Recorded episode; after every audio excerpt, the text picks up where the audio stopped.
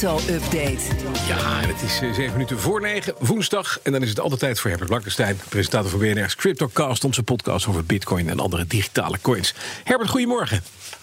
Morgen Bas, hoe is het? Ja, helemaal goed. De crypto, en we zitten weer lekker in Studio 1, beneden. Niet oh, je, fijn zeg. Ja. Nee, niet dat het iemand iets Gelukkig maar wij zijn, wij zijn blij. Het is net of je thuis zit. Uh, de crypto-anti-witwaswet is een week in werking. En de lijst met cryptobedrijven die gestopt zijn, verkocht of vertrokken... is weer een stukje langer geworden, want... Ja, uh, de laatste in de rij is Bitkist. Dat schrijf je met een Q. Dat is een kleine crypto-exchange, was dat. Bitkist is gestopt op 21 mei, een dag nadat die nieuwe wet in werking is getreden. Intussen staan er negen op mijn lijstje van die bedrijven. Die zijn gestopt, namelijk ook Golden Trader, Gulden Trader moet ik zeggen, Nox, Bitkassa, had ik er twee weken geleden nog over. Ja. BitZeb, Bitter, dat is een dienst in automatisch bitcoin sparen. Postercoin, waar je briefkaarten kon kopen met bitcoin erop, echt waar. En CoinGarden dat in december al is gestopt. En de negende is dan Deribit, heb ik vaker genoemd, marktleider in Bitcoin Futures. Die hebben de wijk genomen naar Panama. Ja, ja. Er zijn trouwens ook wel buitenlandse bedrijven die stoppen door diezelfde Europese richtlijn. Maar dat lijken er minder te zijn. Waarschijnlijk omdat in Nederland die richtlijn strenger en duurder is geïmplementeerd. Ja, er waren daarover toch kamervragen gesteld destijds. Ja, maar heer Alkaya van de SP heeft dat gedaan. Omdat wat nou gebeurt in strijd is met een motie die de Kamer heeft aangenomen. Namelijk dat die wet niet mag leiden tot gevaar of te hoge lasten voor bedrijven. De minister moet eind van deze week antwoorden. Als ik het goed heb uitgerekend. Dus hopelijk kan ik daar volgende week meer over zeggen. Ja, en dan automatisch sparen in bitcoin hoor ik je zeggen. Daar heeft een Nederlandse programmeur een alternatief voor bedacht, hè? Ja, dat is wel leuk. Jorijn Schrijvershof heet hij. Bitcoin Magazine heeft hem gesproken. Hij was spaarder bij Bitter. en hij dus baalde dat Bitter moest stoppen. Ja. ja. precies. Dus hij kon niet meer automatisch sparen. Hij dacht, weet je wat, ik doe het zelf.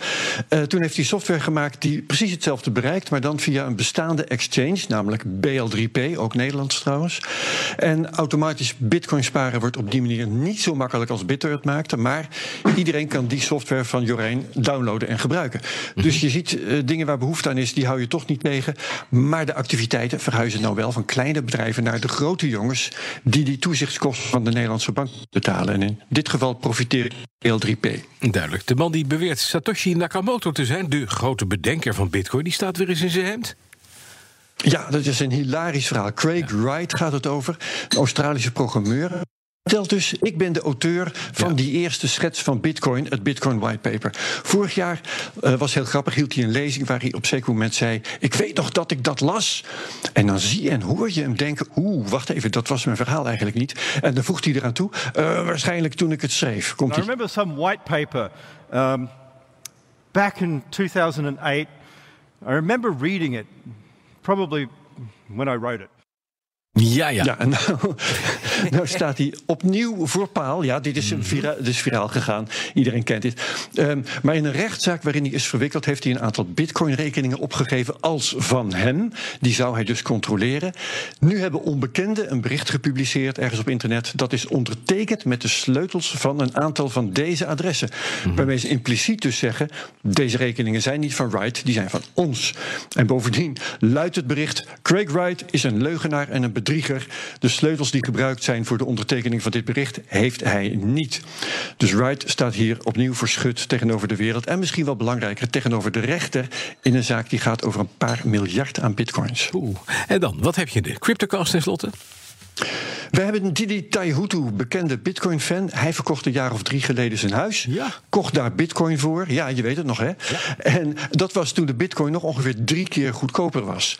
Nu zit hij in Thailand met zijn gezin. En in onze laatste CryptoCast hopen we, die we thuis opnemen, willen wij weten hoe hij de bear market heeft overleefd en hoe hij de toekomst ziet. Dankjewel, Herbert Blankenstein. Alle afleveringen van de CryptoCast te beluisteren via de BNR-app, bnr.nl of in je favoriete podcast-app.